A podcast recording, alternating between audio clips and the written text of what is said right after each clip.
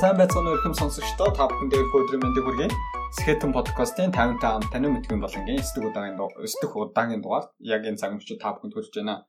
За энэ удаагийн хүндэт зочноор өнгөрөх 10 сарын 20-оос 26-ны хооронд Лондон хотноо зохион байгуулагдсан One Young World залуучуудын залуу дэлхий дээр байгаа залуу манлайлагч нар болон нийгэм улс төрийн зөвтгөлтнүүдийн оролцдог цар хүрээний хэмжээнд бол томоохон тооцогддог чуулгуулц Монгол улсыг Rio Tinto группийг төлөөлж оролцоод ирсэн.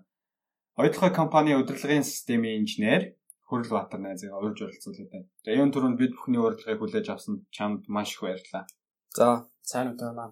Тэр энэ дугаартаа намайг оруулж ирсэн маш их баярлалаа. Яг урилгаа чи баг 2 3 7 хоног өгсөн баг тий. Аа. Яг явсаар явсаар аваад өнөөдөр бичиж чинь тэгээд ам өөрсөн маш их баярлалаа. Айлын сонирхолтой яриа өрнөд хийчихье. За биний үстэй сонирхолтой асуултуудыг асууж чамаас илүү а хүмүүст өөр өгөөжтэй хариултыг авахыг хичээх болно. Яриага за миний хувьд бол чамайг найз нөхрийн хувьд бол мэднэ. Тэгэхээр ихэнх сонсогч нар маань энэ удаагийн зочин хуу хүнийхээ хувьд яг ямар хүн юм бэ? Одоо яг хаана ажилладаг, юу хийдэг хүн бэ гэж хариулт асуулттай байгаа хөлтэй эхэлж байгаа асуулттай эхэлж байгаа. Тэгээ өөрийгөө товч танилцуулаач гэж хүсэж байна. За тэгээ за намайг хүрл одор гэдэг би Эрдэнэ хотод төрж өссөн. Эрдэнэтийн Орос сургуулийг төгсөөд а Оросын холбооны улсад радио электроник их сургуулийг төгсөөд 17 он төгсөөд яг одоо бол оюутлогоо компанид удирдлагын системийн инженер ажиллаж байгаа. А яг яг одоогийн хувьд гэвэл төслийн багт ажилладаг. А яг үндсэн баг маань бол автоматжуулалт контрол систем удирдлагын систем гэх тийм багт ажилладаг. За баярлалаа. Тэгээд энэ дугаараар яагаад хүндэт зочноор урилга илгээсэн бэ гэж чиний хувьд бол сонсож байгаа хүмүүс хувьд бол асуулт байгаа. Тэгэхээр би тэр асуултнуудад бол өрсөн хүнийхээ хариулах зүйтэй авах гэж бодож байна. Тэгэхээр манай Skeleton podcast-ыг сонсож байгаа сонсогч нарын хувьд бол мэдж байгаагийн хувьд а ихэнхдээ залуу зочдыг яг бидний үеийн залуучууд нийгэм юу хийж яваа хэрхэн суралцж явж байна За мөн тэдгээр залуучууд маань нийгэмд ямар байр суурьтай байгаа, нийгмийн төлөө эргээгээд юу хийж чадаж байгаа гэдэг зүйлийг нийгэмд ил гаргахыг, тэр нь түүнийх нь гүүрийг гүүр нь болж ажиллахыг, тусгал нь болж ажиллахыг бид зорддог байгаа. Тэр утгаараа яг бидний үеийн залуу хоёулаа бол мөр зэрэгцээ хамтдаа олон улсын төсөл дээр ажиллаж байгаагийнхаа мэдээ чамаа хүндэлж явдаг чиний энэ ур чадваруудыг бас хүмүүст хүргэхийг чиний дотроо бодож явдаг зүйлүүдийг олон сонсогч нартай дамжуулж хүргэх тэр гүүрэн байхыг зорьсон учраас өнөөдрийн дугаараар урьж оролцуулж байгаа юм шүү. За тэгвэл яриагаа хамгийн эхлээд чиний баг насны талаар ярих гэж бодож байна. Орс системээр яваад цэцэрлэгээс ахуулаад ийм системээр явцсан. Тэгээ их сургууль хүртэл Орс сургууль сурсан. Тэгэхээр Эрдэнэ тот төрж өссөн баг насны дурсамж, хөгжилтэй дурсамж гэдэг 10 жилийн хөгжилтэй дурсамж тэр тухайгаа яриач ээ гэж хүсэж байна. Аа за Эрдэнэ хотод би 3 настайгаас Орс цэцэрлэгээс явчихсан. Тэгээд яг ингээд ийм хар багаасаа ингээд хоёр хил дээр одоо амьдраад үзчихсэн те суулдаа цэцэрлэгтэй очих арай нэг өөр ертөнц гэртээ ингээд гэрийнхэнтэйгээ хамаатнуудтайгаа ингээд харьцахад шал өөр ертөнц гэдэг. Тэгэхээр тэр нь надад айгу давуу тал болж ирсэн. Яг багаасаа ингээд хоёр хил дээр бодоод нүүн боддог хил гэж үүдэг те. Ярихтай адил яг би юмаа бодохдоо ингээд хоёул дээр зэрэг бодоод ирэхэд тэр нэг арай өөр өөр сэтгэж чаддаг тийм давуу тал байсан юм болов. Тэгээд Эрдэнэ тогттой ер нь холбоотой данаа л гой гой турсамжууд байгаа. Тэгээд ер нь айгүй гоё 50 хот шүү дээ тий. Эрдэнэ тогтод үзсэн авчиж үзсэн. Айгүй жижиг хот тэгээд нэг тийм дулаан уур амьсгалтай. Гэрээсээ сургуультаа явхад нэг 2 3 минут л зарцуулдаг тий. Тийм жижигхэн одоо хүүхэд байхад юу санаа зовхгүй айгүй гоё хот. Надад бол Эрдэнэ хоттой дандаа гоё гоё турсамж холбоотой байдаг. Тэгээ Орос сургуулийн хувьд гэвэл тэгээ Оросуудтай хамт Орос сурагч нартай хамт сурдаг байсан. Оросууд байдаг гэхдээ одоо ер нь аягүй цөөхөн болж байгаа. Ангид нэг 4 5-аас хэтрэхгүй.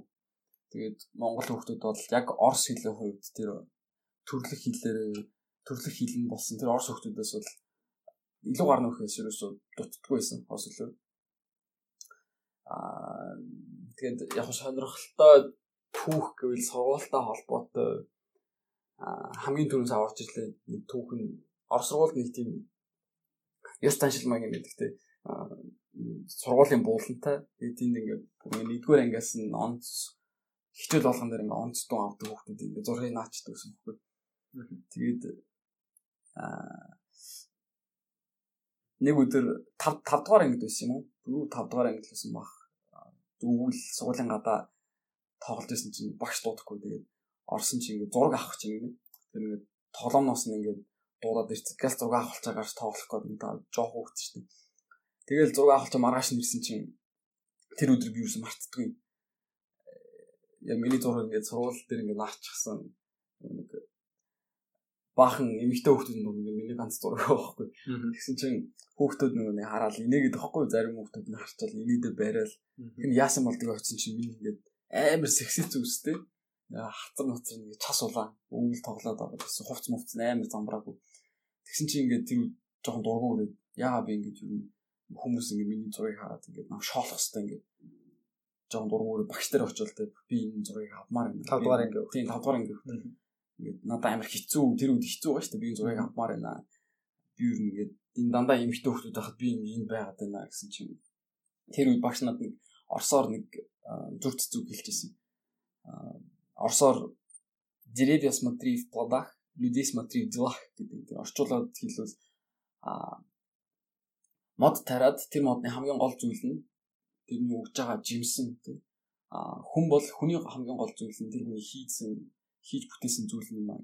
Тэр үед бол ойлгоогүй. А одоо бол би энэ багш энэ төр хэлж исэн зүйлийг хийж мартдаггүй.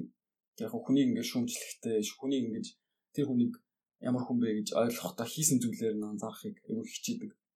Тэр эндээс юу хэлэх гээд байна гэхээр а тэр үед ингээд би тэр зургийг авмаар байна. Би ер нь хичээлээ хийхээ болмоор санагдчихсан байхгүй. Ер нь зарим хичээл дээрээ заавалч тав авах шаардлагагүй тий. Тэгвэл ингээд миний зургийг ингээд авчих юм байна гэсэн тийм шийдвэр гаргаад тэр үедээ тэр шийдвэр надад амар зөв санагдчихсан. А одоо ингээд бодохоор айгүй инээдтэй хүүхдийн тийм алдаа хаад байхгүй. Тэр ингээд яг одоо хийж байгаа шийдвэрүүд тэ гаргаж байгаа шийдвэрүүд надаа яг одоо 20-д гарцсан зөв санагдаж магадгүй гэхдээ эргээд 10 жилийн дараа тэр нь бас инээдтэй алдаа гаргасан байж магадгүй магадaltaа тий. Тийм учраас өөрийнхөө ингээд тийм алдаа гаргаж ирсэн тийм загваруудыг ойлгочвол тэр алдаагаа яг одоо хийж байгаа зүйлээ ингээд арай өөр өнцгөөс харж болт юм болов. Тэгээ урд нь ингээд жоохон баатаа гаргаж ирсэн нэг тийм загвар алдаа шүү дээ. Одоо хүмүүс намайг юу гэж хэлэх бол би ингээд бусдаагаа адилхан баймаар гэсэн нэг тийм загвар яваад байна тий. Тэр тэрийг яг одоо ингээд би яг тийм алдаа гаргаж ирнэ гэх нэг харж айгу зөв санагддаг. Аа. За ерөнхийдөө маш гоё системтэй хариулт байлаа гэж найз санаа бодож байна. Тэгэхээр сая чиний ярьсан зүйл дээр одоо ч нийгэмд ер нь дийлэх юм тийм баа штэ. Агуулгын хүрээнд мөн чанарын хүрээнд ингэж бусдыг хийж байгаа зүйлийг харахаас илүүтэй тухайн хувь хүмүүс өөрөө агуулга бол мөн чанарынхаа хувьд байх нь бас асуудалтай болж байна. Нөгөө чиний яриад байгаа шиг тэр тэргүүний сурагч нар сурагч нарыг байршуулдаг тэр самбар дээр өөрийнхөө зургийг одоо байршаад байна шүү дээ. Чиний таалагдахгүй зураг байршаад байна.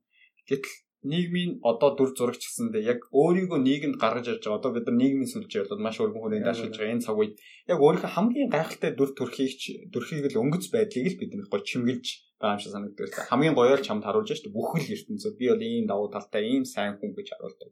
Гэтэл цаад мөн ч нар агуулгын хүртэл өөрөө тэр хүн гаргаж ирдэггүй. Тэр агуулга дээр илүү төвлөрдөггүй.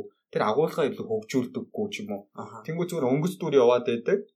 Дүр бүтээж байгаа хүмүүс нь бас иймэрхүү А тэр дүрийг бас өнгөцгөн хараад дүгнж байгаа гадна талын бас хүмүүс байгаад байдаг. Тэр ийм хоёр дүр яваад болохоор чиний тухайн 5 дахь ангид хэлжсэн тэр зүрц зүг одоогийн нийгмийн бас тодорхой нэг тусгал болоод хүмүүс бас энэ мессеж илүү сонирхолтой байдлаар хүрэх байх гэж бодож байна. Харин яг энэ тэр багш хэлсэн зүйл бол одоо хүртэл санаж байна тийм.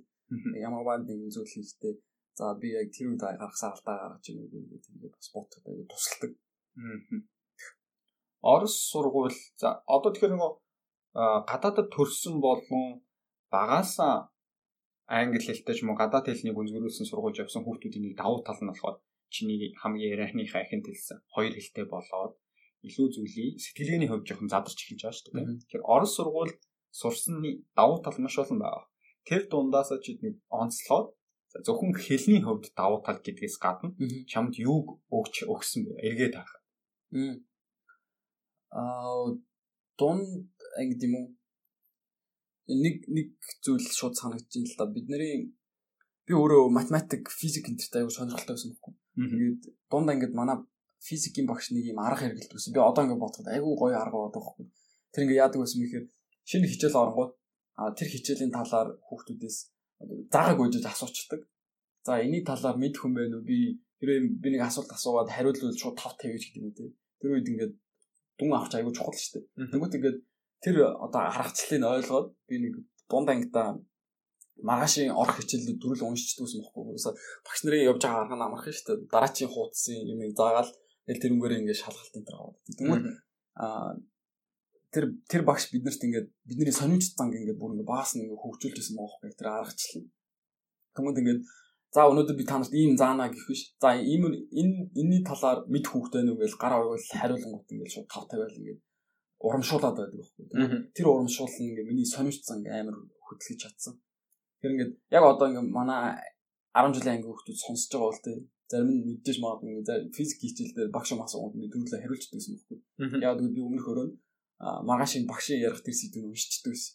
Сониуч сониуч зан одоо ингээ хөдлөөд тээ. Гэтэ тэрний цаана ингээ багшийн урамшууллын аргаар тэрийг хөгжүүлсэн тэр нэг аргачлал байгаад байна. Тэгэхээр тэр Орос сургуулийн зарим одоо нэг одоо надад өгсөн нэг давуу тал болж үлдсэн нэг зүйл нь сониуч зан хөдөлгөж чадсан болов.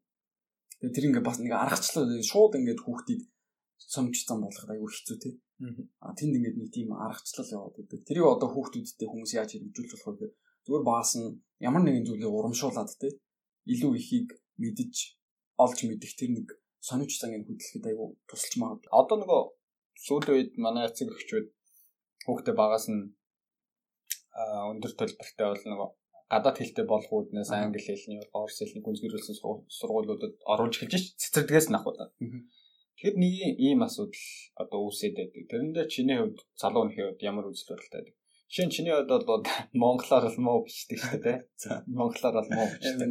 Тэр ингээд юм бичгээр бол англиар чи биччих нь илүү чиний хувьд амар байдаг ч юм уу. Тэгээ орсоор хэрвээ бичих шаардлагатай бичнэ амар монголоор илүү хэцүү гэж үздэг чиний. Мөн үү? Өөний хүлээж зөвшөөрөх. Хүлээж зөвшөөрч байна. За. Тэгээ тэнгууд яг чамтай адилхан ийм тогтолцоор одоо суралцаад гарч ирж байгаа маш олон хүүхдүүд байгаа шүү дээ. Төгсөөл гадагшаа явдаг. Тэгэхээр энэ хүүхдүүдийн хувьд системийн өөрөө буруутах аргагүй, нийгэм нь өөрөө ингэж хөгжиж байгаа боловсролын систем нь өөрөө ялчгүй гадаад хэлийг бол шаардаж байгаа. Зах зээл нь ч өөрөө шаардаж байгаа энэ цаг үе. Тэгэхээр энийг чиний хувьд давуу болон сул тал гэж харахаас илүүтэй үнийг ирээдүйд магадгүй юун дээр илүү анхаарал зүгээр бай эцэгчүүдийн хувьд бол боловсролын системийн ч гэдэг юм уу. Чиний хувьд бол мэдээж монгол хэл бол ордгүй байсан баг л та. Гүү ордгүй. Ордгүй байсан юм. Одоо тэгвэл одоо тэгтээ систем нь бас гэх юм. Тий одоо сая харсан чинь ордог болсон. Монгол хэл ордог байсан. Аа тэгвэл бас арсан байгаа юу.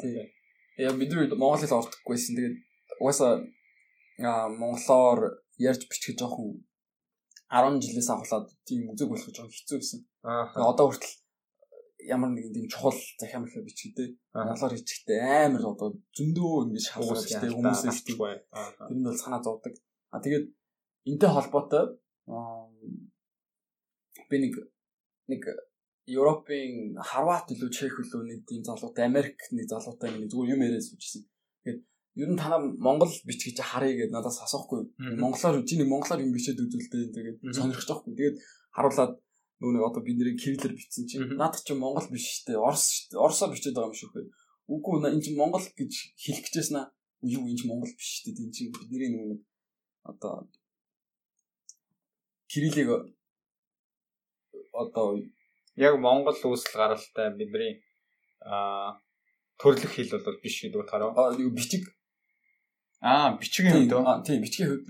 Тэрийг ингээд бодоод аа ер нь ингээд бид нар орсуудыг дагаад ингээ кирилл кириллээр бичиж ирсэн шүү дээ. Тэгэхээр ингээ яг ингээ монгол гэд хэлчих юм байхгүй. Тэгээд анги одоо англи хэл одоо өөр гадаад хэл сурах нь зөв. Гэхдээ монгол хэлээ бас сурах нь бас илүү чухал. Яг өөр ойлгосон. Тэгээд тэрийг яг бүр ингээд ажил болгоод хүн амт нь одоо энэ сургалт монголд суугаад би тэрийг хийж чадахгүй байгаа. Гэтэ ингээд одоо тэрийг мэдэхгүй бол өөрийгөө монгол гэж хэлээд байгаа юм тийм. Яа тэрг бол яалтч сурах ёстой. Би ч санал нэг яагаад энэ асуултыг чамаас ингэж асууж байгаа нөхөө сонсогч нартаа бас мессеж хүрэхийг зорж байгаа. Одоо нөгөө залуу үе төлхөө бидний подкастыг сонсдог болохоор мэдээж тэр хэдийн одоо манай 10 жилийн сургуулийн дөнгөж төгсөж байгаа хүмүүс бол BT-дээс илүү англи хэлний сүлтэй болоод гарч байгаа шүү дээ. Орос хэл англи. Гэхдээ монгол хэлийг бол давхар бас хөгжүүлээд авч явж байгаараа эргээгээд монгол орныхоо түүх соёлээ тийм үү уламжлалээ тийм үү тэр зүйлүүдийг бид нэр өөрийн төрлөх хэлээрээ л өөрсдийнхөө үр хүүхэд юм уу дараа дараа дараагийн хаач үед үлдээ штэ тийм тэрийг улан байжуулаад үлдээх болохоор тийм тэр утгаараа би голчилж асуусан шүү. Наад чинь бодох хэрэгтэй зүйл. Ярих хэрэгтэй зүйл. Яг тэгвэл яг одоо одоо олон улсын төсөл дээр ажиллаж байгаа гот ингээд нэг тийм холимог хэл сонсогдоод байдаг байхгүй. Тэр бас би өөрөө ч гэсэн ярьдаг. Гэтэ тэрэндээ бас ингээд дуртай байгаад байдаггүй. Монголоор ярьж байгаад ингээд амар олон гадаадууд орж ирдэг те. Яг зарим техник хэллэгүүд монголоор орчуулахад хэцүү. Гэтэ ингээд жирийн одоо хоорондын харилцаан дээр ингээд англи хэл оруулахгүй, англи үгнүүд оруулахгүй байх нь чухал санагддаг. Тэгвэл ингээд хилээ ингээд одоо арай нэг дорд үдчихэж байгаа юм шиг тийм. Тиймэрхүү санагдаад байдаг хүн. Тэгээ тэрийг ингээд засах хэрэгтэй. Би бас өөрөө тэрийг засах гэж хичээж байна.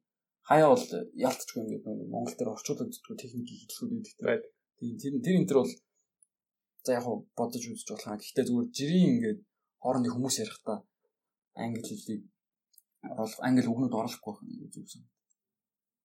Тэгээ одоо ч гэсэн ярьж байхдаа би англи үг оруулахгүй хичээ гэхдээ бас оруулж магадгүй. Тэр бол тэр хэлээд байгаа. За ойлголоо. За 10 жил байхад хүн болгонд нэг тодорхой үеүүдэд юм уу өөрийгөө нээх боломжууд гарч ирдэг юм шиг санагддаг. Миний хувьд ч тодорхой тийм үеуд байсан. Тэгээ миний давуу талыг юм уу миний дотор нэг унган цаанаас өгөгдсөн тодорхой хэмжээний авиас ур чадвар байна шүү дээ. Тэр зүйлүүдийг багш нарын оролцоотой гэдэг юм уу тухайн найз нөхөд 10 жилийн найз нөхдийн хүрээллийн оролцоотойгоо тэрийг ил гаргаж өнөөдрийн байгаа тайван гэдэг энэ хүний суурийг бэлтэх, хөрсийг бэлтэх тийм боломжийг бий болгох гэж би өөрөө хардаг байхгүй. Тэгэхээр чиний хувьд 10 жилийн тодорхой үеүүдэд чамд нөлөөлсөн чиний давуу талыг ил гаргаж ирэхэд тусалсан ч гэдэм үйл явдал ч гэдэм үү тийм зүйл байх юм бол тэрийгээ бид хүнтэй олзооч. Аа. Тэгвэл ингээ яг энэ энэ асуултыг чамаас асууж. Чамд тийм байсан уу? Аа, миний хувьд болохоор 6 Ер нь бол нэлээд ичимхий хөхөд байсан. За. Дэндүү ичимхий. Тэгээд тэр үед чинь бусдын өмнө одоо би ингээд аудио бичээд подкаст хийгээд бусдын өмнө ярих чинь бүр бүр төсөөлж байгаагүй тийм зүйл л шүү дээ. Дунд анги тий. Дунд анги тий. Энэ бол яг л дунд анги гараад тэр ангийнхаа хүүхдүүдийн өмнө хүртэл гараад юм ярих чинь хүртэл хөлж чичрээ. Хоолоо э, салганаа тий. Аа. Хоолоо салгана гэж байгаа. Би ингээд гар салганаа. Тэгээ байдсан чинь нэг жил урлагийн үзлэгт оруулах хүн байхгүй. Багш за 50%. Тэгээ тухайн үед болохоор би нөгөө уран уншлах тал дээр гоё уншдаг да биш нөгөө аа уран унших хүчиг гэж хичээл ордог байсан бол уран зохиол. Тэрэндээ шүлэг чэйжлүүлдэг байсан. Тэрийг нөгөө 40 минутын дотор багш за энэ чэйжлгээл өгчөнгүүт нь завсарлахаас өмнө би 30 минутын дотор гялт чэйжлээд завсарлахаас өмнө асуучдаг байсан. Уг нь бол дараагийн хичээл дээр чэйжлээд асуух гэдэг даалгавар байна шүү дээ яг чиний нөгөө сониуч заантай холбоотой гэлс асуудаг дүнгээ авах гэдэг шүү дээ. Тэгэж явдаг байсан болохоор багш намаа зүгээр уран зохиол дуртай байна гэж ойлгоод зүгээр 50 уран уншлагаар урлагийн өсөлт орчихгүй. Тэгээд эхний жил байгаа. Тэгээд энэ юм байр маяг эслэх байтгаа нэг чүүчээ ангиа төлөөлөл даваад гарч байна. Тэгсэн дараа нь жил багш шууд намайг бичсэн байдаг байхгүй. За 50 орно шүү ангиа. Тэгсэн чинь нөгөөт нь төрүүлчихгүй юу? Аха. Сургуультай шүү дээ. Тэгээд сургуультай Тэр цаг үедээс миний нөгөө айдас руу багш намайг түлхээд оруулсан. Өөрөө ч мэдлэхгүй. Тэгээ нөгөө баабагаар айдасаа давж явсаар л өнөөдөр нөгөө бусдын өмнө өөрийнхөө үзэл бодлыг чөлөөтэй илэрхийлнэ гэдэг суурийг бий болгож өгсөн байгаа байхгүй. Тэр айдас руу багшийн оролцоод түлхээд. Тэгэхээр яг ийм үйл явдлууд бол яг миний тэр давуу тал цаанаас өгөгдсөн тийм багын хэмжээний нэг хувийн авьяас их юм ингээд нээж ил гаргаад түүнийгээ тортоход надад цаг хугацаа болон боломжийг харалцсан байна. Тийм ээ. Чиний за яг над түүхтэй чинь ойролцоо 2000 2006 онд тэр яагаад санаад байна гэхээр нөгөө дэлхийн авраг болж байсан хүлэмжийн тэр тэр сэдвтэй холбоотой туслан болж байсан Улаанбаатар хотод. Тэгээд яг хөө тэнд манай аав намайг тийшээ явж үзэх үү гэж асуусан байхгүй. Би бол тэнд ямар сонирхолгүй хөл бөмбөг яг хөө зүгээр байранда тоглолт байсан. Тэгэл гадаа хүүхдүүдтэй. Тэрнээс тийм тэмцэн тэмцэн юу гэж боддгоо байсан байхгүй өрсөлдөөн өрсөлдөөнд өөрийгөө оруулах гэж боддгоо. Тэгээд яг аав тэрийг айгүй гоё тайлбарлаж өгнө юм болд юм ингэ ингэ. Тэнгүүд яг зүгээр сонирхоод яагаад болохгүй гэж тэгэл нэг юу ч байхгүй одоо нэг хөлмөд тоглох чинь ингэ гидер шиток фүүз зургалтын фүүз мэс байх хэвээр тийм байхгүй шууд яваад очичихсан байхгүй сонирхоод. Тэгээд Улаанбаатар тэгэл баахан зөндөө олон хүүхдүүдэд танилцаал янз бүрийн тийм тэмцээнүүд болоод техникийн тэмцээнүүд болоод энэ зогсож байгаа тэр нэг нөхрөө бөмбөг оруулж гэдэг юм хүүхдүүд ингэ сонирхлын татах гэх тиймэрхүү тэр туслан явснаас хойш айгу хөл бөмбөгтэй амар холбоотой болсон. Тэгээ ер нь хөл бөмбөг надад юу заасан бэ гэхээр а яаж ч хожигдчихсэн цаг дуусаагүй багт те. Одоо яаж ч ядарч ирсэн ингээ бууж өгдөггүй.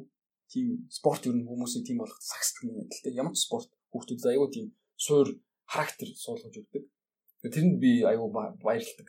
Тэр 2006 он тийшээ явсан да. Интернэс хойш хөл бөмбөгтэй холбоотой 10 жилээ төгсгийнхаа өмнө 2 жил лиг тоосон Монголын үндэсний лигт лиг төрүүлжсэн цомдон төрүүлжсэн. Тэгээ жоон байхдаа улсын авраг хүүхдийн надад тэгээ зүүн тэмцээн төрүүлжсэн.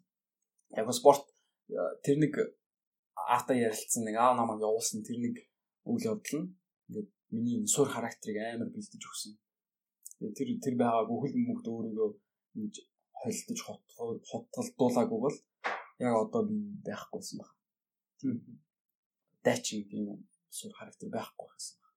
Хэрвээ зөвхөн хичээлээ хичээл хийгээ явжсэн. Аа. Одоогийн сурагчнаас ч зөндөө яг олон талын давуу талтай болсон баг. Тэгээ би тэрийн үеүүдийг бодох юм бол зөвхөн хичээлээ хийхээс гадна одоо өөр өөрийнхөө сонирхлыг нээж илрүүлэх маш олон зүйлүүдийг хийдэг болсон баг. Тэгээ чиний спорт чиний суур хүмүүжилт болгон маш хүчтэйгээр нөлөөсөн гэдэгт бол яалч 100% санд нийлж байна. Миний хувьд бас ширээний тенсээр 10 11 дугаар ангид хичээлж байсан. Тэгэхээр чи нөгөө 7 хоногийн 2 юм уу 3 өдөр тогтмол хичээлдэг. Тэгэхээр тогтмол цагт ядаж нөгөө хүнд дэг суулгадаг.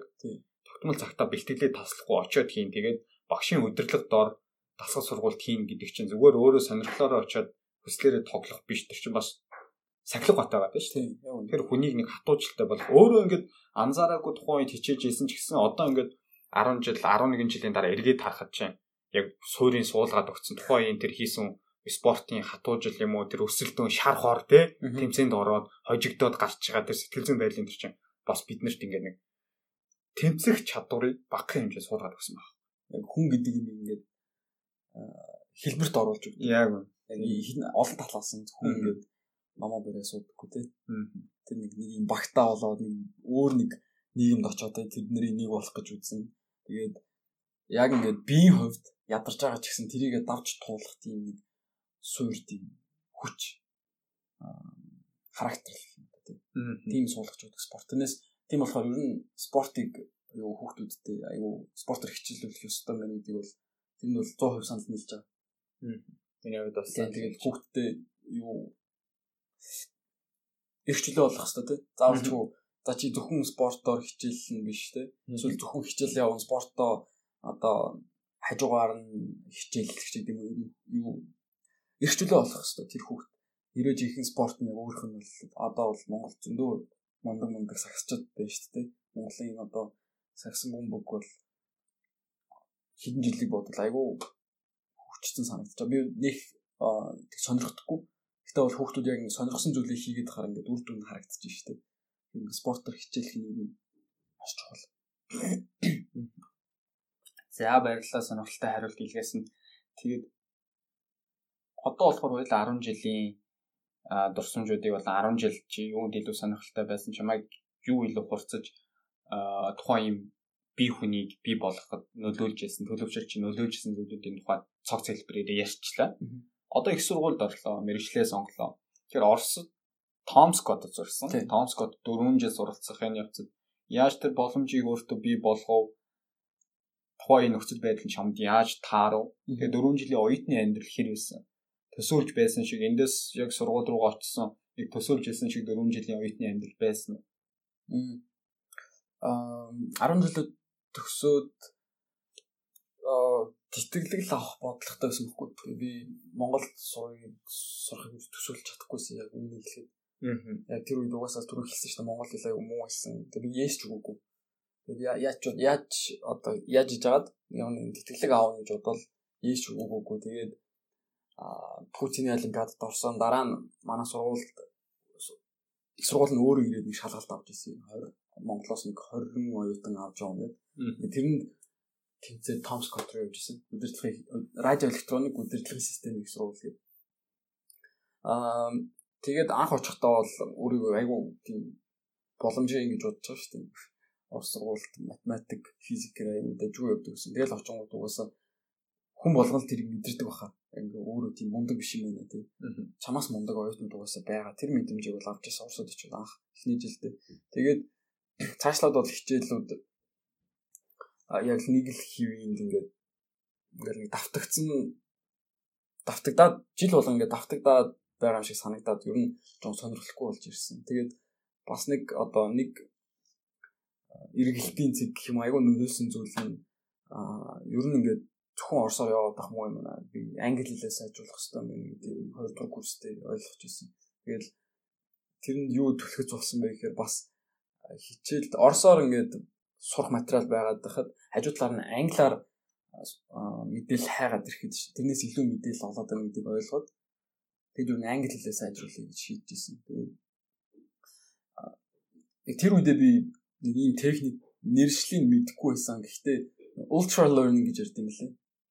Тэрний яадаг вэ гэхээр одоо ямар нэгэн зүйл сурмаар байвал одоо би бассейн цэл сурмаасаа шүү дээ.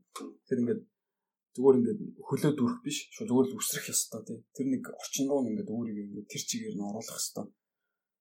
Тэгэхээр одоо надад ямар боломж вэ гэж хайж агаад ер нь англиар ярьдаг орн руу явъя. Зүгээр л одоо нэг work control гэдэг програм байдаг шүү дээ. Тэрнгээр явъя би зүгээр өөрийгөө нэг туршиж үзье. Ер нь миний англи хэл ямар хөө англи хэлээс сайжруулахад тусал туслаж болох юм байна тий. хэрэг болж болох юм байна гэдэг яг ингээд өөрийгөө тэр ус руу ингээд шийдчихсэн. Англиар ярьдаг орлоо. Тэр үед бол миний англи муу байсан. Тэгээд тэнд очсноос хойш өөр зөв дуудлага олж авсан гэж бодож байгаа. Тэр нэг 4 сар амар нөлөөлсөн. Аа. Тэгэл өөрийгөө бэлдээл хаяа зарим одоо яг миний хувьд үнцэнтэй биш нэг зарим хичээлүүд байгаа шүү дээ. Яг үнэхээр ингээд миний цагийг цагаа зарцуулахад тэр хичээл яг зөв үгүй юу тэр хичээлүүдэд таслаад англи хэлээ сурдаг гэсэн. Гэхдээ тэр нь бол одоо давуу тал болсон шүү дээ. Тэр нь бол хичээл таслаад англи хэл сурж байсан ч гэсэн тэр нэгийг давуу тал болсон. Тийм тэр бол яг юм. А хэрвээ тэгж одоо англи эрчимтэй сураг байсан бол би одоо энэ онцлогод ажиллаж байгаагүй гэдэггүй шүү дээ. Хаана байгаа зөвшөөрлөгч хүн. Тэр хичээлээ тасл гэж хэлж байгаа юм шүү дээ. Яг ингээд өөртөө талын давуу талыг өөртөө би болох хэвээр тэгэхдээ аль нь надад ирээдүйд хэрэгтэй юм бэ? хэрэггүй юм бэ гэдгийг бас ялгаж сурах хэрэгтэй. Яг тэгвэл Америк их сургуулиуд өөрсдөө нэг хуваарь гаргадаг шүү дээ. Аа Оросод болохоор одоо хүртэл цаанаас нүгсэн хуваарь одоо сурдаг. Цаанаас нүгсэн хичээлээ сонгоо. Тэгэхээр ялтч угаасаа яг надад үн цэнтэй биш санагдаж байгаа тэр хичээлүүдээ өөр юмар орлуулах бол зааж хэрэгтэй байна. Шал хийдийн бүтэн өдөр тэнд хэрэггүй мэдээлэл сонсч суух уу. Тэр хэрэггүй ч шашин. Яг ингээд надад хэрэггүй тийм бусад оюутнуудад хэрэгтэй. Гэхдээ яг надад одоохондоо хэрэггүй гэж санагдсан тэр хичээлээ суухын оронд нэг TED Talk ч юм уу тийм зүйл үзээд англи хэлний шинэ үгнүүд бичиж аваа тэрийг зэжлэх нь илүү өөртөө илүү надад хэрэгтэй байсан гэж харж байна. Америкийн нэгдсэн улсад суны амралтаараа очиж ажиллах тэр цаг хугацаа зөвхөн англи хэл нь чамд нөлөөсөн гэдгээс гадна хамгийн анх удаа Америкт очиж байгаа. Хөл тавьж байгаа. Тэгэхээр шин зүйлийг хүн үзэж харна, нүд нээн гэж хэлдэг. Аа. Энэ зүйлүүд одоо аялал гэж хүмүүс бодоод энэ нүд нээхийг бол аялалтай холбож их ярьдаг шүү дээ. Хүн их аялах хэрэгтэй залуу багтаа гэдэг. Тийм бол нөгөө чиний хэлсэн шиг их сургуультай очиод өөрийгөө ямар өчүүх юм бэ гэдгээ бусад оюутны хүүхд улсын оюутнуудад жишиж өөрийгөө харьцуулсан шиг гадаад улс орнууд дээр хүн аялаад ирэхээр бас өөрийгөө ямар өчүүх юм бэ энэ дэлхий дээр чи сурах зүйлүүд харьцангуй их юм байна гэж бодоход бол хүрэгдэг байх гэж маш олон хүмүүс ярьдаг. Үзэл бодлохоо хувьд ч тэгж санал нийлэх байх гэж бодож байна.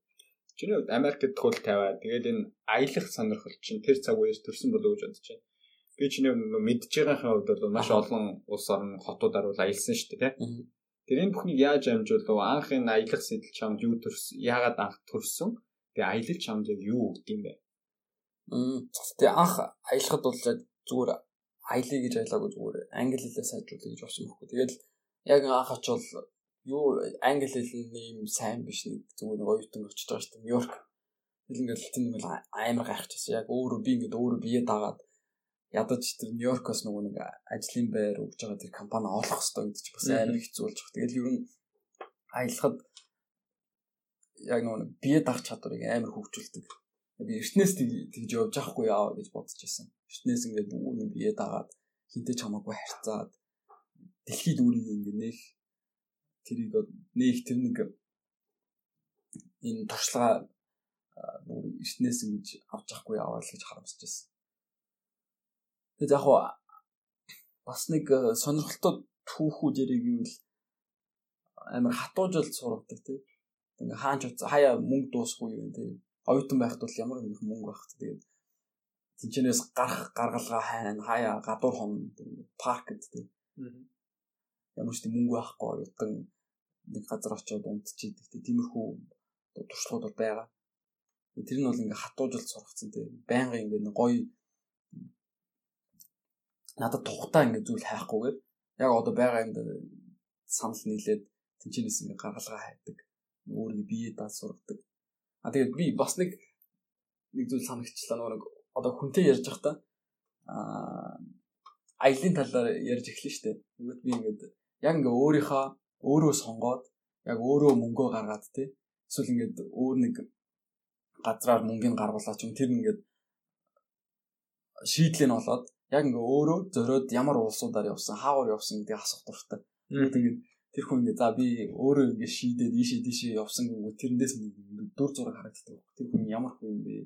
Зүгээр ингээ нэг хүмүүсийн очих ёстой гэж ярьдаг. Тэр газраар явж юу эсвэл яг өөрөө ингээ шийдээд а би яг ийшээ очиж үзмээр юм те. Би Нью Зеландад очиж үзмээр юм шүү дээ хүмүүсийн очдоггүй газар тэндээс ингээ тэр хүний ингээ тийм дүр зураг харагддаг. Тэрийг асуух юм дуртай. Яг ингээ өөрөө мөнгө төлөөд ээж аавынхаа араас юм биш те найзуудынхаа араас ингээд найзуудтайгаа ийшээ явах шийдсэн биш яг өөрөө шийдээд ийшээ явмаар байсан гэж тэр одоо газрууд ингээ хараад нэг дүр зураг харагдав. Тэрийг асуух амар дуртай. Зөв зөв чиний хэлсэн дээр өчигдөр би нэг кино үзсэн байхгүй. Тэр кинон дээр ийм үг гардыг. Хин нэгний гаргасан шийдвэрээ амьдрах хэрэггүй байна гэдгийг ойлгож байгаа тийм нэг хүний тухай гардаг байхгүй. Яг амьдралынхаа ингээ төгсгөл амьдралынхаа төгсгөл жишээ яг киноныхаа төгсгөл Тэгэхээр чиний энэ аялын явсан зүйлүүдийг харахад хүн өөрөө дотор чинь яг юу хүсэж байгаа, зүрх чинь яг юу хэлж байгаа тий. Чиний дотоод тэр ихтгэл үнэмшил чи юу хэлж байгаа. Тэр тэрэндээ хөтлөгдөж а аялсан, очсон тэр орнууд чинь чамаа хүүхэн талаас чи илүү харуулхаас гадна чамд өгөх үр өгөөж юм бол илүү юм аа гэж үзсэн. Аа хийсэн гэж бодож байна. Зарим тохиолдолд бид чинь найзуудраа нийлээд аялах уу? За ер нь л аялмаар байна те. Хаа нэг тийш явмаар байна гэгээд ямар ч тийм төцөөлөл өөр. За ийшээ явчих гэж явчихдаг шүү дээ. Тийм. Гэтэл нөгөө улс орноос судлаагүй зүгээр аялал гэдэг тийм сэтгэхгүйгээр хүмүүс аялждаг. Эргээ тэр аялаас өгж байгаа өөр өгөөж надад байдгүй юмсан гэдэг. Яг үнэ. Зүгээр чинь явъя гэж явцсан тий. Хамаагүй яг уудаад байна. Сэтгэл санаагаа сэргиймээр энэ хилэндээс гарыг гэж явчихдаг. Гэтэл зарим аяллууд ингээ ингээ дотроос нь хүсчихсэн шүү дээ. Багасаа энэ улс оронд л очиж үзмээр Тэгээ зарим хүмүүсийн одоо Нью-Йоркд очиж би зулсарыг өнгөрөөмөр ин гэж тэр дотроос хүсдэг багаас нөгөө кино үзэг гэрте ганцаараа үзээд урсан хүмүүс юу тийм баас. Тэгэхээр тэнд очиж бодит мэдрэмжийг авах тэр бол өөр байх л та. Аха.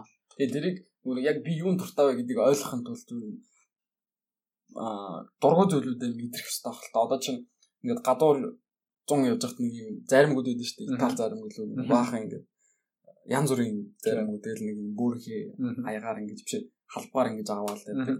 Чи тэр дундаас яг аль нь чам таалагдж байгаа гэдгийг мэдхийн тулд чи бүгднийг үдэн л амсаж амсаж үзээд аа энэ яг миний дуртай зүйл юм байна. Тэгэхээр өөрийнхөө дуртай зүйлийг олохын тулд ер нь ийш тийшээ гарч шин зүйл турших хэрэгтэй. Маш их зүйлийг туршиж бас алдаж үзэх хэрэгтэй юм шиг тийм. Нэстлээс айгаа суугаад байх нас бол бидний бид нарын энэ нас бол биш байх. Яг одоо бол аялах гэдэг бол энэ тийм өнгөтэй хүмүүсийн хийдэг зүйл бол биш шүү дээ. Яг тэгвэл одоо ингээд агарын компани агарын компани их болох тусам одоо ингээд ядаж ингээд пледүүд хүртэл хямдраад ирж байгаа. Тэгэхээр ингээд надад мөнгө байхгүй. Тийм учраас би ингээд өөрийгөө ингээд комфорт зоноос гаргаад ийш аялч чадахгүй нэ гэж хэлэх нь бодлоо одоо зөксгүй шалтгал шалтдаг яг үнэ. Ил тийшээ ийш тийш явмаар л бол яаж хийж агаар болно. Аа. Тэр ер нь дэлхийг үзэх хэрэгтэй гэж үздэг. Одоо хідэн орон хідэн хотуудаараа ялчил. Аа 14 15 он нь бол явсан байна. Арай багч 13 12 ч юм. Тэр хэвчээ. Нэг одоо өнгөрсөн битэрийн ингээд 30 минут гаруй үргэлжилсэн энэ яриа бол нэг Хурлбаатар гэдэг хүнийг юу илүү одоо нөгөө хэлбэржүүлээд байна гэдэг ярианы агуулгатай явлаа л тэ. Чам ингээд янз бүрийн юм ингээд турч үтсэн гэдэг зүйлүүдийг илүү ил гаргаж сонсогч нарт доо хүрхийг бол хоёрхан зүгээс нь хичээлээ. Одоо яриахныхаа хоёрдугаар хэсэг рүү илүү төлөв орё гэж бодож байна. Тэр нь За их сургуулаа төгсөөд гараад ирчлээ. Өөрийгөө тодорхой хугацаанд янз бүрийн зүйл туршиж үзээд өөрийгөө бэлтжлээ шүү. Гэт дөнгөж сургуулаа төгсөж байгаа залуучуудын хувьд ажлын туршлага гэдэг зүйл байдаггүй. Ажилд орно гэдэг үед бол дараагийн том сорилт байдаг их сургуулаа төгсөж байгаа чинь. Тэгэхээр одоо их сургуулаа төгсөх гэж байгаа их сургуультай дөнгөж элсэн суралцж байгаа оюутнуудын чиний үед зөвлөхөд бид нар туршлага нь байхгүй юм байна. Гэхдээ ажил олгогч байгууллагууд, орчин цагийн ажил олгогч байгууллагууд шинэ залуу үеэс яг юу хүсэж байна? Биднээс яг ямар ур чадваруудыг хүсдгийг туршлага нь байхгүй ч гэсэн тэр хүмүүсийг авахыг хүсэж байгаа компаниуд одоо харьцангуй олон болчиход байна шүү дээ. Тэгэхээр түүн зөрүүлж бид нар ямар ур чадвараа э, хөгжүүлэх ёстой, яаж өөрийгөө бэлтгэх ёстой. Тэр оюутан болж байгаа 10 жилийн сурагч нар байна уу, дөнгөж сургуулаад төгсөж байна. Тэр залуучуудад э, зориулж чи одоо ажил дээр гараад 2 жил болсон. Туршлагагүй байсан. Гэхдээ олон улсын компани чи өөрийнхөө ур чадварыг өмлүүлээд ажиллаж штэ. Тэгэхээр багахан хэмжээний чиний хувь дотроо бодож явдаг юм зүйл байгаа гэж бодож байна л да. Аа. Яг 10 биш 10 жил гинэ. Их сургуулаа төгсөж байна. Ирэхэд ирээд би бас хааш явахаа мэдэхгүйсэн. Яг үнийг би яах ёстой юм би ойлгохгүй. Тэгээд өөрийнхөө давуу талыг сайн ойлгоод тэрийг яаж ашиглах вэ гэж ажлын байр хайж ирсэн. Тэгээд инженерийн одоо сургууль төгсчихсэн. Тэгээд өөр хилтэй тийм ажлын байрууд хайж агаад яг миний орс хэлийг ашиглаж чадах нэг тийм компани болсон. Тэр нь тэгээд сүлдээ ойдлоготой холбогдоод тэгээд ер нь тэндээс юу ноёдлохотой холбогдсон юм. А тэгээд яг толгой компанид ороход надаас нэг асуулт асууж ирсэн байхгүй. А чи яг энэний талаар мэдхүү а одоо яг бүр тийм инженери юм асууж байгаа байхгүй. За энэний талаар мэдхүү хэрэв мэдхгүй бол чи чамд юм даалгавар өгвөл чи яах вэ гэж асууж ирсэн. Тэр ингээд тэндээс ингээд юу харж байгаа гэхээр намайг ингээд юм нь сонирхолтой байна уу? А тэгээд юм хурдан сурч чадна гэж хэлүүлэх гэсэн юм шиг санагдсан надаас. Тэгээ би угаасаа жүжиг жүжиглээгүй яг ингээд угаасаа тийм хариулт байсан болохоор тэрийг хэлжээс яад бол энэ зүйлийг мэдхгүй хэрэг би мэдхгүй бол тэрийг өөрөө судлаад хийчнэ гэсэн тиймэрхүү утгатай хариулт өгч ирсэн. Тэгэхээр одоо ингээд лидерүүд яг ингээд доороо ингээд залуучуудыг удирдах тэр лидерүүд нь юу хүсэж байгаа нэхэр юмыг айгүй хурдан сурдаг. Тэгээ сониуч хүн залуучуудыг айгүй хүсэж байгаа. Яг одоо бол хаач яг мэрэгжил чиний мэрэгжил чи энэ дүнчин ямар ингэж харддаг одоо тэр өнгөрсөн санагддаг шнэ. Сүүлийн 2 3 жил бол нэр яалч диплом гэдэг зүйлийг асуухгүй шүү дээ. Ажлын байрны дүнгийг хараад ингэж хүн ажилд авдаггүй бол одоо өнгөрсөн байна. Тэр хүний ярихтаа өөрийгөө яаж илэрхийлж чинь те. Зүгээр ингэж хэдхэн минут ярихад л харагдана. Тэгэхээр аа яаж ингэж өөрийгөө илэрхийлж чадчих дээрээс нь тэр хүн сониуч байж чадах уу? Юм хурдан сурч чадах уу гэдгийг одоо юмыг хурдан сурч чадах тэр тэрийг одоо чадвар гэх үү байгаль байгалийн өгдөл гэх үү тэрийг сурч болох хаа тийм сурч болох хаа тодорхой техникийг сурчих юм бол ямар ч юм хурд өөртөө шингээгээд авч байгаа. Гэхдээ байгалийн бол тодорхой хэмжээний өгдөл байна. Тэгэхээр дээрэс нь юмд хандлага гэдэг зүйлийг бас өдөрдох төвшний ажилтнууд хэлж байгаа шүү дээ. Өдөрдох төвшний ажилтнуудтай уулзаа сууж хаад нэгдүгээр бид заавал хандлагыг тавина. Миний одоо өөрийн багийн гишүүдээ сонгодог гол зарчим бол хандлага гэдгийг бол би сүүлийн үед бол удирдах төвшний маш олон хүмүүсээс сонсч байгаа үг байгаа. Харин тийм. Одоо ингээд айгүй зөв хандлагатай тий нээлттэй байдаг туршлахгүй залуу ах уу эсвэл ингээд хүм хүнтэй харьцаж чаддаггүй гэхдээ 10 жилийн туршлагатай тийм хүн авах уу гэхээр зөв хандлагатай. Тэгээд ингээд юмыг сурч мэдээ гэсэн тэр залууг нь авъя гэж олон жилийн туршлага байхгүй. Тийм хариулт хэлжсэн тийм За дараагийнхаа ярианы хэсгээр өнгөрөх 10 сарын 20-ноос 26-ны хооронд оролцсон Лондон хотод оролцсон One Young World залуу манлайлагч нарын чуулгуулалтын тухай. А 6 хоногийн хугацаанд юу болж өнгөрдгийг жид болгон зохион байгуулагддаг энэ арга хэмжээ нь юугаараа онцлог байдгийг тэгээд 6 хоногийн болсон үйл явдлуудыг багцлаад тоомлоод гол мессежийг тэгээд чиний чи 6 хоногийн чуулгуулалтаас юу болж ав. Аа А One Young World нь яг саммит нөр 6 хоног болоогүй 4 хоног болсон. Тэгээд яг тэрний өмнөх нэг өдөр дараачийн нэг өдөр гэж болсон. Өмнөх өдөр нь болохоор би компани лидерүүдтэй уулзсан байхгүй. Ингээд юу ямар хуу хүлээлттэй байгаа бид нараас юу хүлээж байгаа гэсэн тийм уулзтай байсан. А Young World нь болохоор 10 дахь удаа зохиогдож байгаа. Энэ удаа Лондон хотод зохиогдсон. Тэгээд 2000 дэлхийд даяар баг бүх улс орны төлөөлөл очсон 190 тэр яг нэг 10-д 20-д улсаас очоог юм уу? Ер нь их их улсуудаас төлөөлөл очсон 2000 гаруй залуу манлайлагч нар цугларсан нэгдүгээр тэгээд 4 хоног жил болгон а энэ саммит нь өөрийн гэсэн сэдвтэй байдаг 5 сэдв сонгож аваад тэрнийхээ талаар шийдлүүд асуудлуудаа ярилцаж шийдэл гаргаж ирдэг. Тэгэд ер нь а нэгдсэн үндэсний байгууллагаас гаргасан 17 доктортой хөгжлийн зорилтод залуучууд яаж хувь нэмэр оруулах чадах вэ? Яаж тусалж чадах вэ? Яаж одоо бид нэр өөрсдийнхөө санааг яг хэрэгжүүлж чадах вэ гэдэг дээр Young бол тусалдаг. Тэгэхээр энэ жилийн 5 сэдв нь бидний одоо эрүүл мэнд. Тэгээд media freedom буюу мэдээллийн эрх чөлөө ядуурлыг бууруулах. Тэгээд peaceful future буюу одоо аюулгүй аюулгүй их тайвантай ирээдүй а тэгээд боловсрын талаар ярьсан. Тэгэхээр ер нь яг миний хувьдаа сонирхож исэн сэдв нь бол боловсрал байсан. Тэгээд тэнд юу ярьж исэн мэхээр бид нар ингээд боловсролын системээ дахиж эргэж харах ёстой юу? Бид нар юу өөрчилж чадах вэ? Компаниуд тэрэнд юу хийж чадах вэ? Төрийн бус байгууллагад юу хийж чадах вэ гэдэг талаар ярилцсан. За тэгээд 4 хоногийн турш би ингээд сүүлд нь ингээд зөв сонирхолтойроо харсан чинь өдөрт 30 тийм ихтгэл явсан юм лээ. Яг ингээд яг би бичлэн бүгд нь оролцож чадахгүй.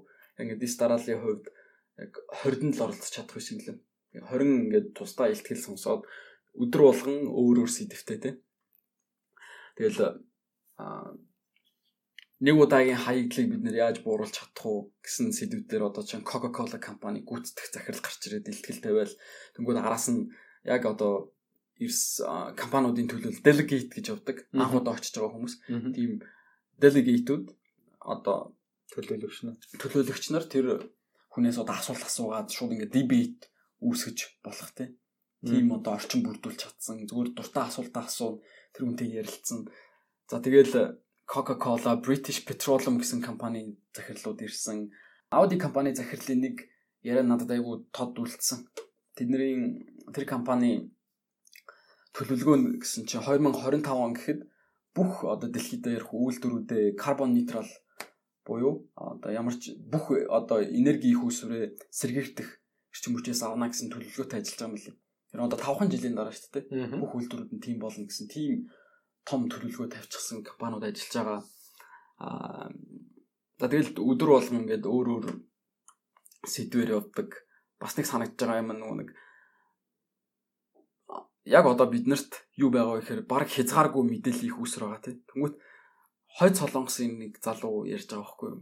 Яг ингээд юм мэдхийн тулд бид нэр амиа баг золиослон байж ингээд шин зүйл мэдтгээ. Бид нэр ингээд интернетд ороод зүгээр Википедиа ухаад ингээд юм уншихаар хэрэг тэр мэдчихвэл шууд цаазаар авдаг гинэ. Төө хойд солонгост. Тэгээд нийслэл хотод нь Пхеньянг хотод хоёрхан сууг гардаг. Хоёр гурван сууг гардаг гэж байна. Тэр нь ингээд яг засгийн газрын улсаас нь ингээд хяндаг тийм суугууд а хөдөөгөр бол ганцхан сууг гардаг гэж байгаа байхгүй. Тэр нь ингээд бүх юм дандаа нэг хэмчээний талаар тий. Тэр хүнийг одоо харуулсан тэр хүний бодлогыг харуулсан ингээд тарих угаалт явагддаг гэж байгаа байхгүй. Тэгээд тэндээс гарч ирсэн нэг залуу 10 хиттэй байхдаа зүхтаад хятадд сурж байгаад одоо өмнөд солонгост сурдаг. Тэгээд ер нь яг өөрийнхөө амьдралын түүхээ ярьж өгсөн. Бид нэг уулзалт хийгээд. Зүгээр ингээ хоорондоо юм яриад би ингээд ийм амар сонирхолтой байна гэсэн тэр зүйлийг ярьж өгч байгаа. Тэгээд одоо бол гэр бүлийнхэнтэйгээ юусаа харьцаж чаддгүй юм. Амьд байгаа мó.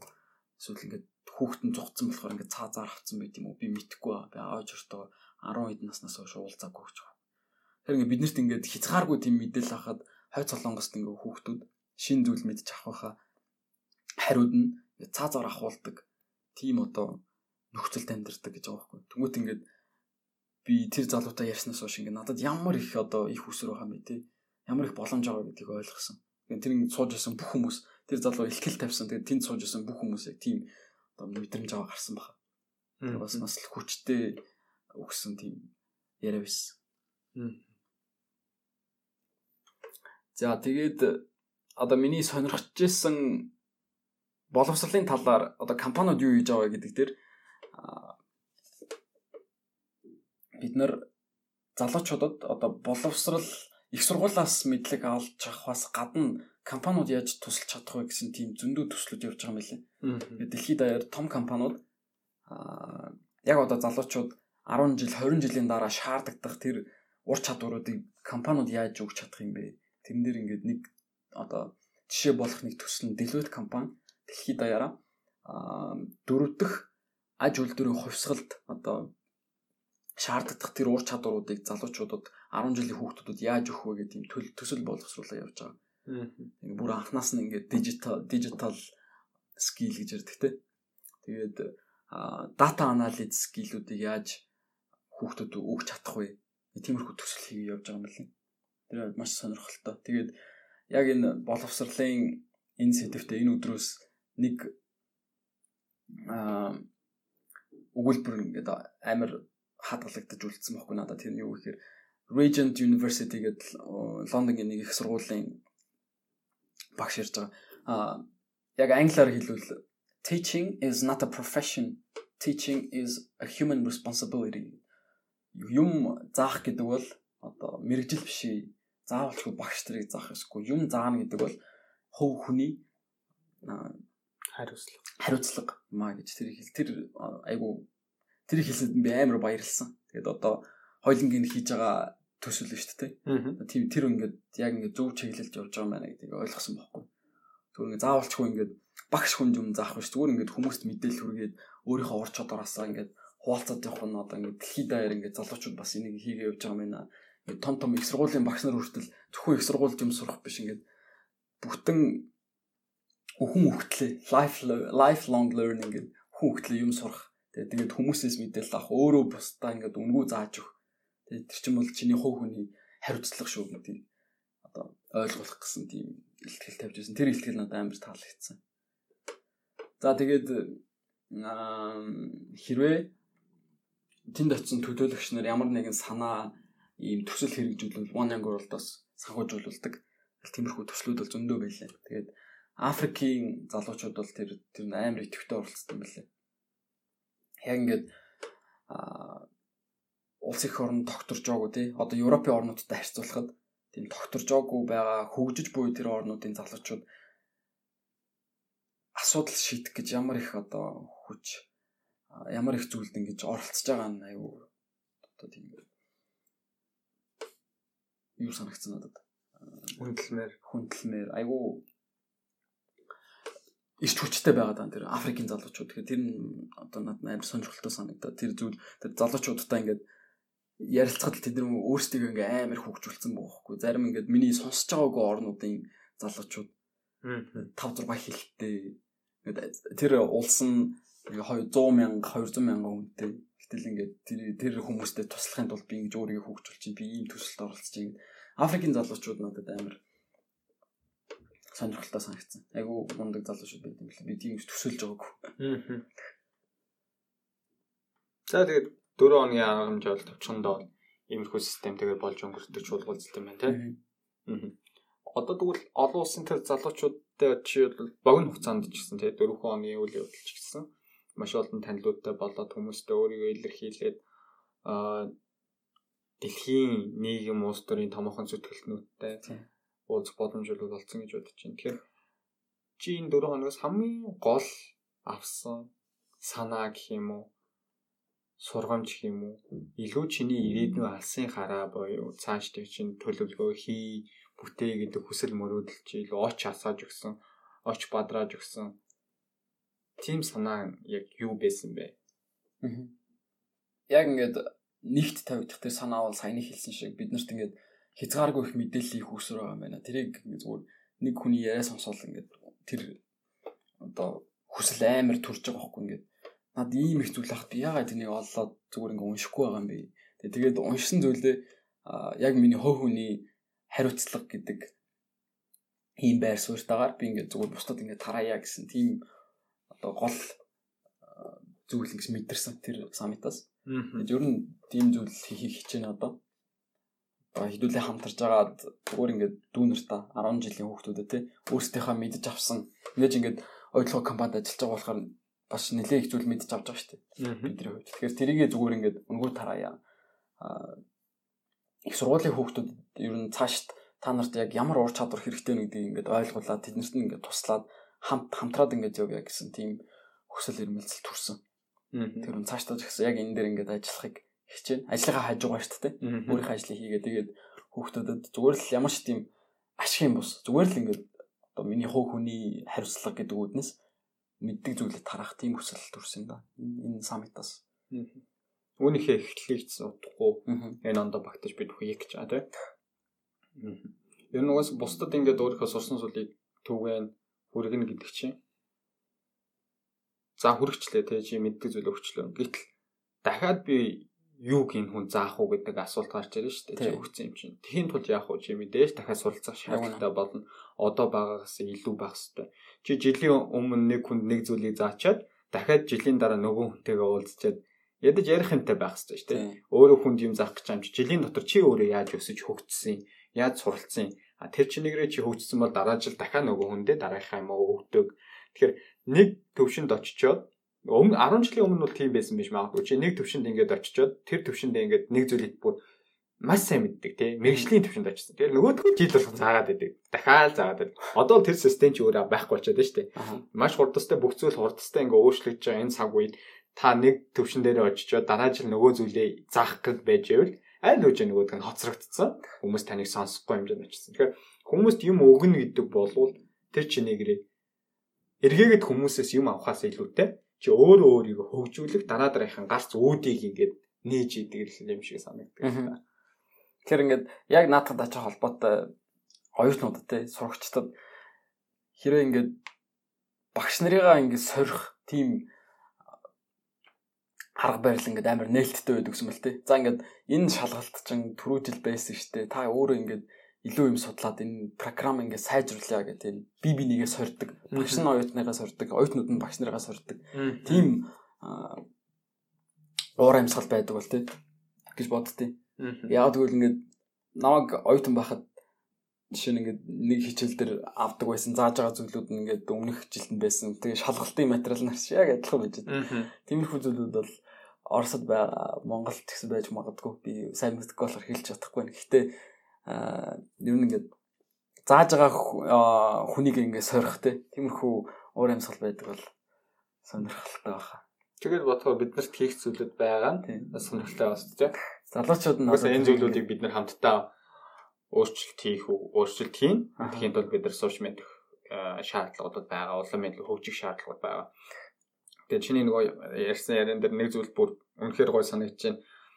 Заавал хэн нэгэнд юм заадаг хүн багш багш заах хэрэгтэй тийм ажлаа биш ээ тий.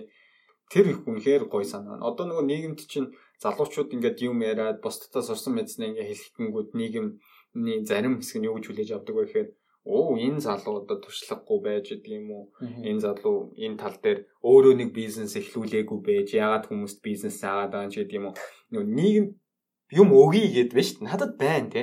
А тэрийг би бусдад өгмөөрэй нэгэнгүүт нийгэм өөрөө хүлээж авахгүй байгаад байдаг нэг тал байдаг те.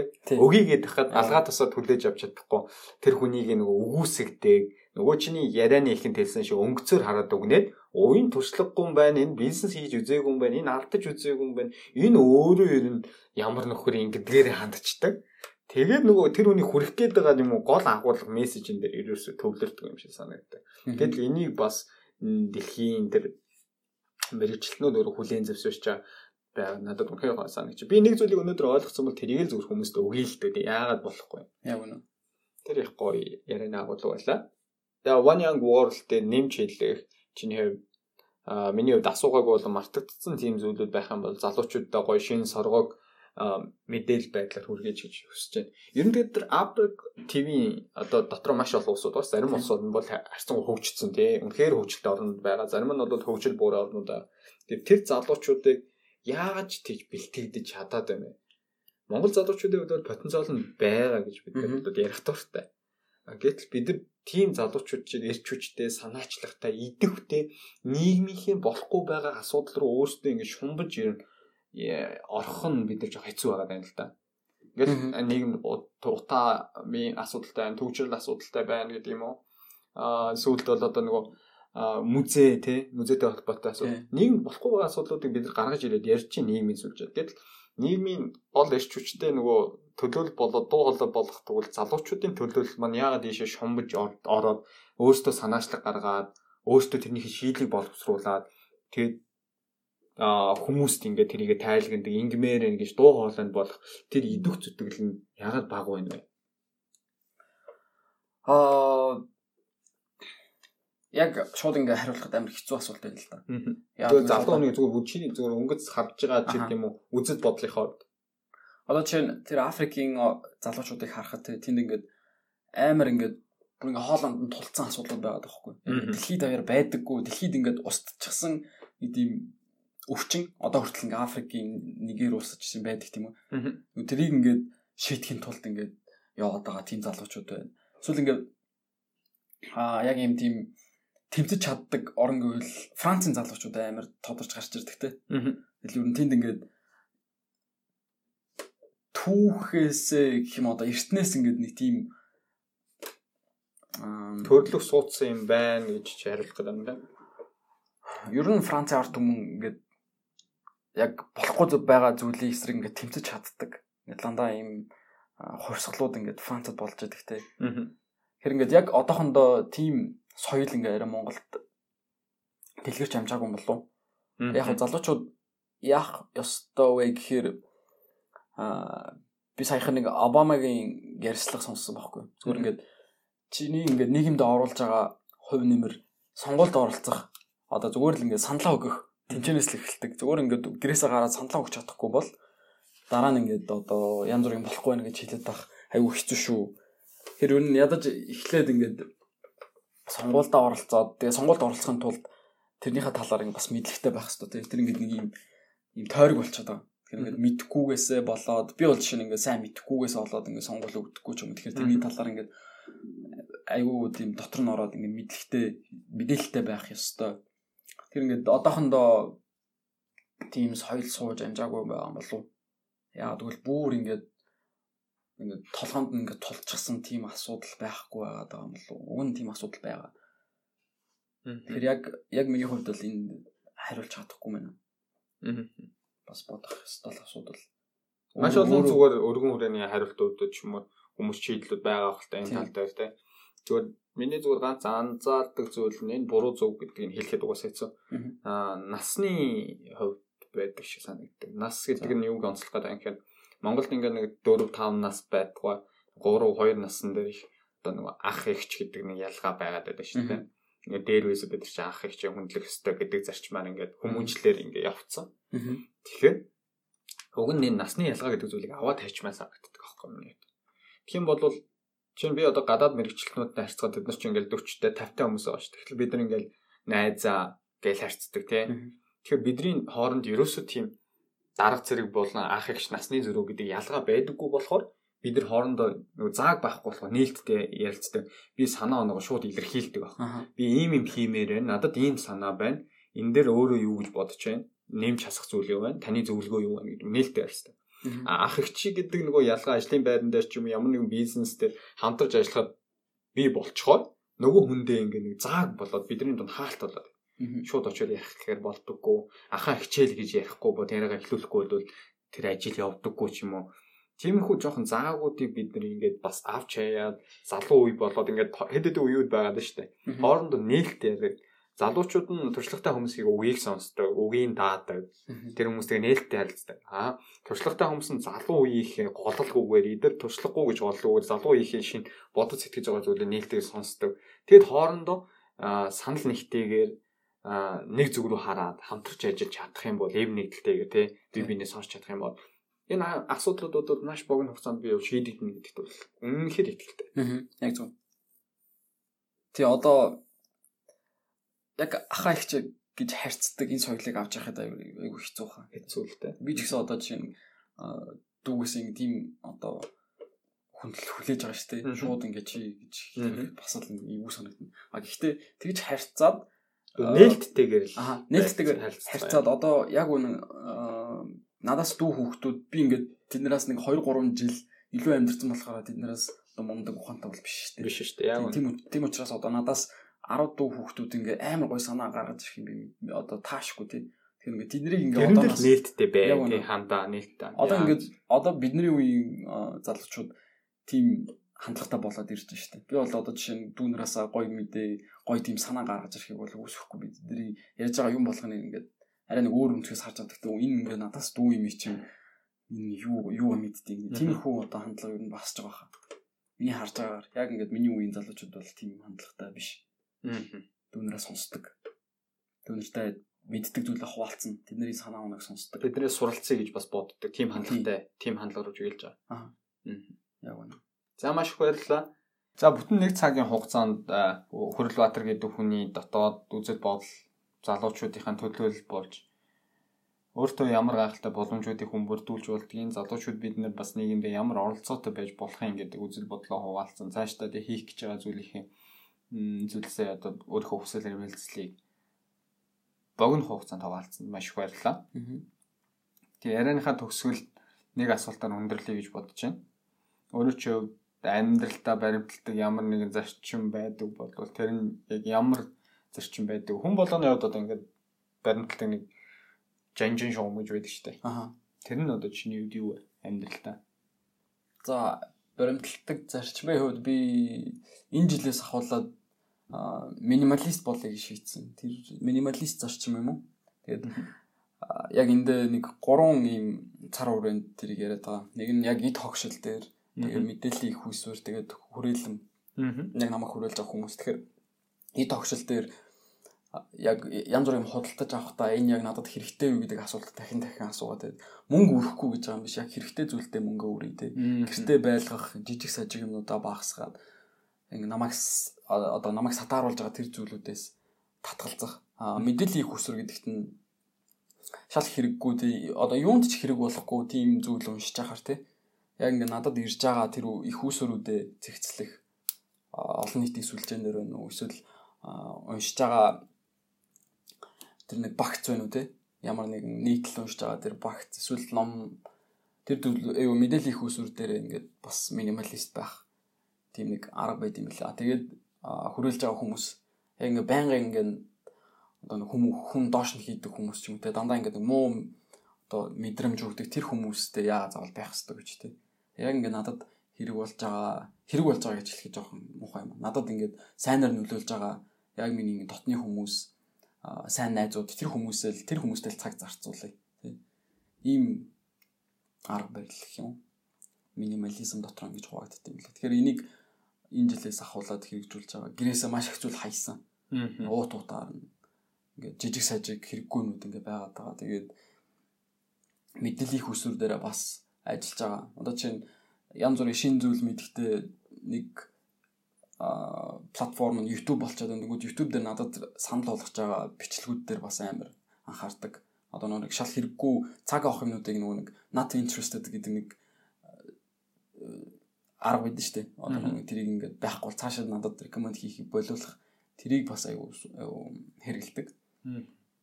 За тэгээ хүмүүсийн хувьд бол ингээд яг ингээд маш ингээд намайг ингээд надад эргээр нөлөөлж байгаа тэр хүмүүсээ хүрээлүүлэх дуртай. Мэдээж найзуудтайгаа бас хамт байгаа. Гэр бүлтэй цаг зарцуулна. Ийм зарчим байгаа. За баярлалаа. Тэгээ бүтэн цаг сонсогч бид бүхэндээ байсан. Яс намш их баярлалаа. Тэгээ би бүхний урилгыг хүлээж авсан дахиж бас талархлаа. Илэрхийлэх зүйтэй ахаа. За 50 удаа баярлалаа. Өнөөдөр ингээд ийм боломж олгосонд. Тэгээд яг хүнд үлдсэн тийм зүйл ярьсан болов гэж найдаж байна. Ямар нэгэн хүнд ингээд хэрэгтэй зүйлийг үлдээсэн болов тэгсэн бол тэгсэн бол одоо ингээд шал хийд юм цаг үрээгүй мэнэ те. Суугаад. За баярлалаа. Тэгээд энэ удаагийн Скетэн подкастын таймтаа танин мэдхэн болонгийн инстэг удаагийн дугаарыг сонссон бүтэн цаг төвчээртэй дуустал нь өөртөө хэрэгтэй зүйлүүдийг тэмдэглэж маш олон хүмүүс сонссон бахаа гэдэгт итгэлтэй байна. Тэгээд та бүхэндээ маш их баярлалаа. Тэгээд хэрвээ энэ удаагийн дугаар та бүхэнд таалагдсан ямар нэгэн санал сэтгэл байх юм бол бид бүхний Instagram хаягаар өөрийнхөө сэтгэлийг хуваалцж болно шүү. Тэгээд би Instagram хаягаа үргэлж подкаст болгоныхаа төгсгөл тэлдэг. 50 би гэсэн Instagram хаяг байгаа. Та өөрийнхөө энэхүү подкастыг screen shot хийгээд өөрийн story дээр юм уу пост байдлаар хийх боломжтой. Тэр үедэр миний Instagram-ыг та бүхэн меншн хийгээрэй гэж таахнаас хүсэж байна. За тэгээд баяртай. Дараа дараагийн гахалтай дугаараа эргүүлцлаа. Түр баяртай залуусаа.